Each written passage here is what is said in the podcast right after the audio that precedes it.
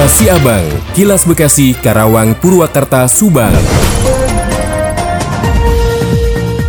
Dikabarkan dari Subang, Bupati Subang Rahimat menghadiri halal bihalal sekaligus olahraga bersama TNI dan Polri bertempat di halaman Mapolres Subang. Pada kegiatan tersebut terlihat jelas kegembiraan pada wajah para anggota TNI dan Polri yang sebelumnya telah melaksanakan tugas operasi ketupat lodaya dalam rangka menjelang dan pasca Idul Fitri 1444 Hijriah. Bupati Subang Rahimat menyampaikan apresiasi kepada para anggota TNI dan Polri yang telah bertugas mengamankan jalannya arus mudik dan arus balik khususnya yang melintasi Kabupaten Subang serta pengamanan pelaksanaan Idul Fitri 1444 Hijriah. Pada kesempatan tersebut, Rohimat pun mengikuti pertandingan bola poli bersama Dandim 0605 Subang, Kapolres Subang dan Yonip 312 dan jajaran TNI dan Polres Subang. Turut hadir pada kegiatan tersebut Kapolres Subang Dandim 0605 Subang dan Yonip 312 Asisten Daerah Bidang Pemerintah dan Kesejahteraan Rakyat, Kadisub dan Kasat Poldam Subang. Seintan Azara melaporkan dari Subang untuk Kilas Siabang. Kilas Siabang, Kilas Bekasi, Karawang, Purwakarta, Subang.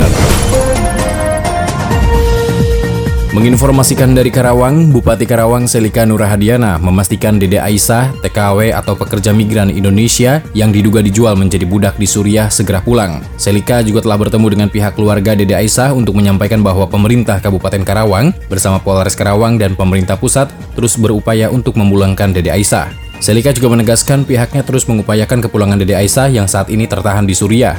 Apalagi pemerintah Kabupaten Karawang bersama Badan Perlindungan Pekerja Migran Indonesia berkomitmen menuntaskan segala bentuk pelanggaran keberangkatan pekerja ilegal ke luar negeri.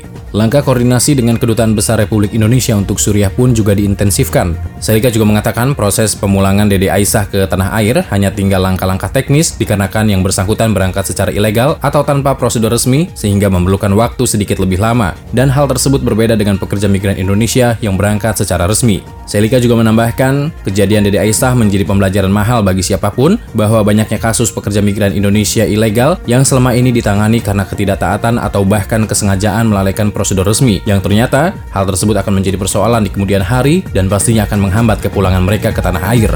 Demikian Yuda Arya Seta, 96,9 FM ADS Radio Karawang untuk Kilas Abang. Kilas Abang, Kilas Bekasi, Karawang, Purwakarta, Subang.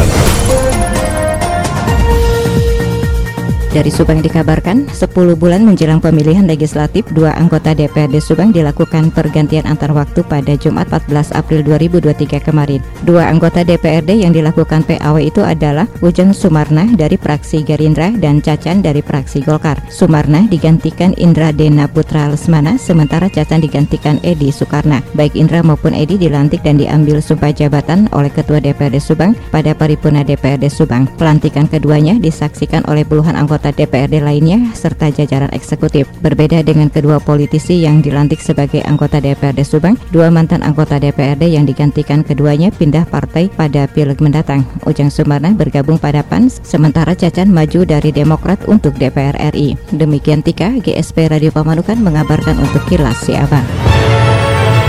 Kilas Siabang, Kilas Bekasi, Karawang, Purwakarta, Subang.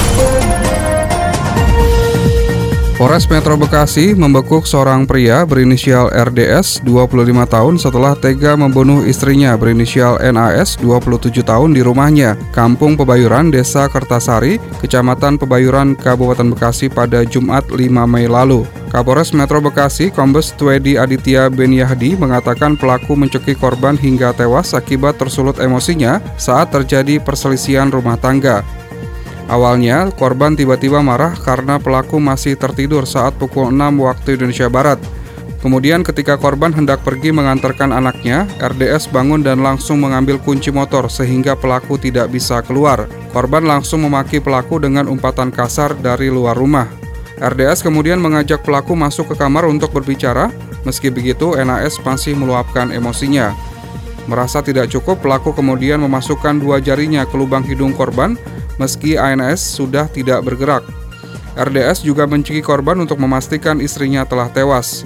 Guna menyamarkan modusnya karena takut dipenjara, pelaku membuat modus seolah-olah korban meninggal akibat tersedak makanan. Ardi Mahardika, Radio Dakta 107 FM melaporkan. Demikian kilas Abang yang disiarkan serentak Radio Dakta Bekasi, Radio Gaya Bekasi, Radio El Gangga Bekasi, Radio ADS Karawang, Radio GSP Subang, Radio Mustika Subang, Radio El Sifa Subang, Radio MKFM Subang. Nantikan kilas Abang selanjutnya.